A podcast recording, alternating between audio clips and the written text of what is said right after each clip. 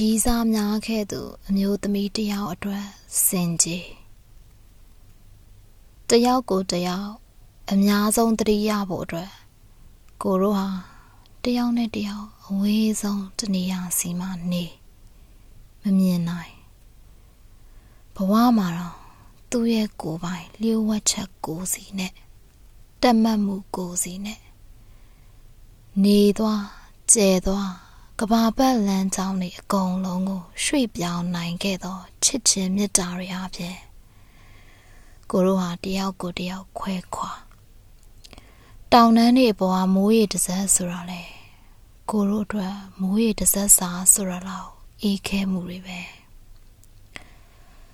ခန္ဓာကိုယ်အချင်းချင်းပူးကပ်ထားဖို့အတွက်လေထုတွေကိုလည်းကိုဖြတ်တန်းခဲ့ ကိုဟာဘယ်နေရာမှမအသုံးမချခဲ့တဲ့ကောင်းပွိုင်းတစ်ယောက်ဒီအတွက်ကြောင့်ပဲတည်ဆုံးမှုအတွက်နီလန်းမောင်တသန်းလောက်နဲ့ရုန်းကန်နေခဲ့ရတယ်လို့နောက်ကျခဲ့ရတယ်ဆိုတာလေစူးမရှိတဲ့သဲကန်တာရရန်ကုန်မြို့အလဲတိုက်ခန်းတစ်ခုထဲမှာယောက်ျားတစ်ယောက်နဲ့မိန်းမတစ်ယောက်အမတ်မထင်စုံတွေးမိခဲ့ကြတယ်လို့တယောက်ကိုတယောက်မျက်စားပြစ်ပြလိုက်တာနဲ့ အကြည့်တွေကိုအချင်းချင်းနားလေသွားကြသလိုအမောင်တူကကိုရိုရဲ့ဝိညာဉ်တွေကိုရှာဖွေလို့သစိမ်းတယောက်နဲ့စကားပြောဖြစ်တိုင်းမင်းရင်ထဲမှာလိပ်ပြားလေးတွေပြန်တန်းနေမလားလူတယောက်စီမှာလိပ်ပြားတွေဟာအချိန်ဘလောက်ကြာနေထိုင်နိုင်တာကိုယ့်ရင်မှာပူလာတယ်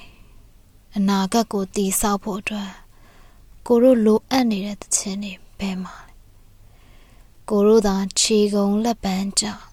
ဘယ်နေရာကိုမှလည်းမရောက်နိုင်